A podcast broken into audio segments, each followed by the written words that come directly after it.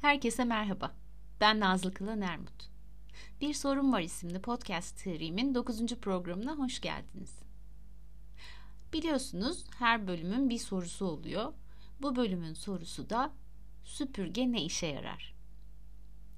Şimdi diyeceksiniz ki programın başından beri izleyenler hani bu bir kişisel gelişim, yaşamda liderlik, iş yaşamında liderlik, iş yaşamına yönelik bir takım bilgilerin paylaşılması, yaşamın bütün alanlarında mutluluk filan konuşulacak bir programda süpürgenin ne alakası var? Gelin süpürgenin tanımıyla başlayalım.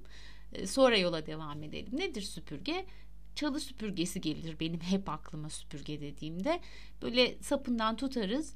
Temizlemek istediğimiz bir yer vardır. Ufak ufak o çalı süpürgesiyle bir şeyleri kenarlara iteriz yaşam oradan yoldan çıkmasını çekilmesini istediğimiz şeyleri o alanın temiz olmasını sağlarız. Bir yer temiz bir yer açarız süpürge sayesinde kendimize. Programı baştan beri izleyenler biliyorlar. Ben çok metafor kullanmayı seviyorum. Bir şeyleri bir şeylerle sembolize ederek anlatmayı çok seviyorum. Süpürge de şimdi aslında bir metafor bu programda. Ama e, normalde çok yarayışlı bir alet olan süpürgenin şimdi biraz yarayışsız olan halini metafor olarak kullanıyorum. Mutluluk süpürgelerinden bahsedeceğim bu programda. Ee, yani aslında istemediğimiz şeyleri hayatımızdan e, hayatımızdan gitmesini istemediğimiz şeyleri hayatımızdan süpüren şeylerden söz edeceğim. Şimdi kendimizi iyi hissetmeyi başarmak tırnak içinde başarmak diyorum çünkü bazen gerçekten çok kolay olmuyor iyi hissetmeyi başarmak e, ya da iyi hissetmek. Kendimizi iyi hissetmeyi başardığımızda artık biliyoruz, bilim de bunu ispatlıyor ki fiziksel olarak da daha iyi olmaya başlıyoruz. Duruşumuz değişiyor, hareketlerimiz daha canlanıyor e, ve her ne yapmak istiyorsak aslında o yaptığımız şeyi çok daha iyi, çok daha keyifle ve çok daha istediğimiz şekilde yaparken buluyoruz kendimizi. Ama Bazen her ne kadar o iyi hissetme niyetiyle yola çıkmış olursak olalım, etraftan öyle şeyler geliyor ki hayatımızın içine, o iyi hissetme hali niyetimiz yavaş yavaş eksilmeye başlıyor. Hatta öyle bir noktaya geliyoruz ki tükeniyor o iyi hissetme hali ve artık kendimizi gayet kötü hissederken buluyoruz ve her ne yapacaksak içimizden hiç de onu yapmak gelmiyor ya da o yapmamız gereken şeyleri çok zorlanarak yaparken buluyoruz kendimizi. Bunu güzel anlatan, kendimce güzel anlattığını düşündüğüm şöyle bir hikaye vardır hep. Varsayalım güzel bir güne uyanıyorsunuz bir kış günü. Güneş var. Odanızın içi aydınlanmış güneşle. Keyifle uyanıyorsunuz. Hatta gülümseyerek uyanıyorsunuz. Güne başlamak üzeresiniz. Kalkıyorsunuz yatağınızdan. Sonra bir mutfağa gidiyorsunuz kahvenizi çayınızı alıyorsunuz. Hadi biraz gazeteye bakayım diyorsunuz. Belki internetten belki kapıya konulmuş gazeteden. Şöyle bir açıyorsunuz. Gazetenin içinde okuduğunuz her şey neredeyse yavaş yavaş o iyi hissetme halinizi sizden almaya başlıyor. Ne kadar kötü haber varsa ön sayfalarda görüyorsunuz. Bazen tırnak içinde haber bile diyemeyeceğiniz şeyleri görmeye başlıyorsunuz. En iyisi ben bu gazeteyi kapatayım bu çok kan revan içinde deyip gazeteyi kapatıp bir kenara koyuyorsunuz. Varsayalım televizyonun tuşuna dokunuyorsunuz. Bir gün önce oynamış bir dizinin tekrarı ile karşılaşıyorsunuz. İzlediğiniz bir şey değil ama o an için gözünüz takılıyor. Konuda şu geçiyor tam o sırada. Babası çocuğunu kaçırıyor. Eşinden ayrılmış Çocuk eşiyle kalırken baba çocuğu eşinden kaçırıyor bir sandalyeye bağlıyor annesini arıyor diyor ki e, çocuğunu geri almak istiyorsan bana fidye vermek zorundasın ve dediklerimi yapacaksın. Aman Allah'ım deyip televizyonu kapatıyorsunuz. Arkasından neyse en iyisi ben bunlarla çok fazla uğraşmayayım diyorsunuz ama o sabah uyandığınız enerji yavaş yavaş o süpürgelerle küçük küçük kenara doğru gitmeye başlamış bile. Giyineyim yola çıkayım diyorsunuz. Varsayalım pandemi de geçmiş. Ee, Arabanıza biniyorsunuz. Giderken giderken yanınızdaki arabadan birisi camı açıyor. Arabanın içinde biriktirdiği bir tomar kağıdı dışarıya atıyor ve yola devam ediyor hiçbir şey olmamış gibi. Gördüğünüz bu manzara sizin içinizdeki o sabahki halden bir parçasını daha alıp götürüyor. Şöyle bir derin iç çekiyorsunuz.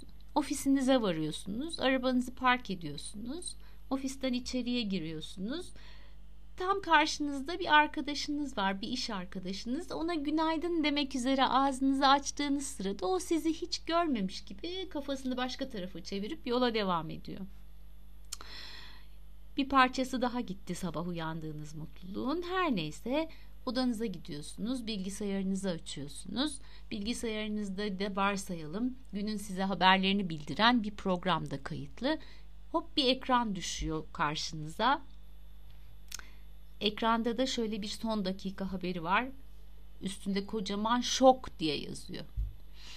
Önce şokun ne olduğunu anlayamıyorsunuz ama yüreğiniz zaten bir hoplamış oluyor. O mutluluktan bir parçası daha haberi okuyamadan gitmiş oluyor. Sonra habere tıklıyorsunuz. Şöyle bir şey yazıyor. Şiddetli kar yağışı bekleniyor öğleden sonra. Yüreği, yüreğiniz hopladığıyla kalıyor. Çünkü zaten kış mevsimindesiniz. Zaten kış mevsiminde kar yağar öyle değil mi? Ondan sonra zaten içinizdeki sevinç ve mutluluğun büyük bir kısmını bu silip süpürücülere kaybetmiş olarak günün geri kalanını tamamlamaya başlıyorsunuz. Bu arada tabii sizi arayan arkadaşlarınız, iş arkadaşlarınız, çeşitli şikayetler, çeşitli öf pöfler, kimin başına ne gelmiş, kimin başından ne felaket geçmiş anlatanlar filan derken akşam eve döndüğünüzde zaten bitmiş ve tükenmiş olarak evinize varmış oluyorsunuz. O çalı süpürgesi ortalıkta mutluluğa dair, iyi hissetmeye dair ne varsa sizin içinizde onların hepsini kenarlara atmış, görünmez yerlere, köşelere, halıların altına kaldırmış oluyor. İşte bu mutluluk süpürgelerini yaşamda hepimizin fark etmeye ihtiyacı var. Ben onları şöyle maddeliyorum zaman zaman. Neler acaba benim hayatımdaki mutluluk süpürgeleri diye. Mesela şikayet ediciler çok ciddi mutluluk süpürgeleri sürekli bir şeyden şikayet eden ilk programı hatırlarsanız hani bir kurban penceresinden söz etmiştim ve yaşama bakışta ve o pencereden bakanların sürekli başlarına gelenlerden şikayet ettiğini söylemiştim ve bu pencereden bakan insanların son derece de toksik olduğunu bu hali bulaştırdıklarını söylemiştim. İşte şikayet ediciler bizim de yaşamdaki o mutluluk süpürgelerimizden bir tanesini oluşturuyorlar. Bir diğeri felaket habercileri. Bazen gerçekten paylaşılması gereken kötü bir haber oluyor. Onunla ilgili bir şey değil bu söylediğim ama bazı insanlar alışkanlık gereği midir nedir sürekli kötü şeyleri haber vermek istiyorlar. Hatta çok da kötü olmayanları bile biraz abartıp büyüterek haber veriyorlar. O felaket habercileri de bizim mutluluktan süpürenler arasındalar hastalık bilgilendiricileri var. Hiç bilmediğiniz, tanımadığınız insanların başına gelenleri size anlatmayı alışkanlık haline getirmiş bir takım habercilerden söz ediyorum. Bazen stres tetikleyiciler var. Onlar da biliyor musun yarın şu olacak, öbür gün bu olacak, bilmem kimden bilmem kime bilmem ne olacak gibi böyle negatif haberleri size aktarıp içinizdeki stresin harekete geçmesine sebep oluyorlar. Bazen sürekli of diyenler var hayatta. Böyle yanından geçerken bile onun ofunu duymaktan artık içinize fenalık geliyor. Her ne yapıyorsa yapsın hiçbir şeyden keyif almayı bilmediği için işte o da o kurban penceresinden bakanlardan hayata sürekli bir oflama halinde. Bazen de çözüm yerine sürekli sorunlardan bahsedenler asla e, çözüm önerisi getirmeyenler şikayet edicilerin farklı bir versiyonu olarak hayatımızda kendilerine yer buluyorlar. İşte biz bunları fark etmediğimizde onlar bizim kendimize oluşturduğumuz, içimizde doldurduğumuz iyi hissetme halini bir çalı süpürgesi misali ufak ufak kenarlara doğru süpürüp yok etmeye başlıyorlar. Ancak ne zaman fark ediyoruz biliyor musunuz? Omuzlarımız çöküp kendimizi ne kadar kötü hissettiğimizi düşünmeye başladığımızda. İşte o noktada anlıyoruz ki o iyi hissettiren şeylerden eser kalmamış. Bu noktada belki bir kez daha netleştirmekte fayda var. Burada sözünü ettiğim mutluluk süpürgeleri e, yaşamımızın içinde olup yaşadığımız zorluklar ve bizi üzen veya bizi mutsuz eden veya hüzünlendiren şeyler değil tamamıyla bizim dışımızda olan ve kontrolsüz bıraktığımızda bizi çok yıpratan dış etkenler sözünü ettiklerim. Farkında olmamız gereken dış etkenlerden söz ediyorum mutluluk süpürgeleri derken. Onlarla ilgili yapılabilecek bir şey varsa yapmak elbette ki en önde duran ama yoksa onlarla ilişkimizi biraz daha uzak tutmak belki de yapabileceğimiz en iyi şey o omuzlarımızı çökerten iyi hissetmeme haline ulaşmamak için. Evet belki bugünden sonra düşünmek istersiniz. Belki sizin de benim saydığım gibi bir mutluluk süpürgesi listeniz olur. Ee, ve onları daha hızlı yakalıyor olursunuz, fark ediyor olursunuz. Yapabileceğiniz bir şey varsa onlarla ilgili yapıp yapabileceğiniz bir şey yoksa onları uzaklaştıracak kulak içi filtreler yaratabilirsiniz belki kendinize. Bir hafta vaktiniz var bunların üzerinde düşünmek için, kendi süpürgelerinizi keşfetmek için.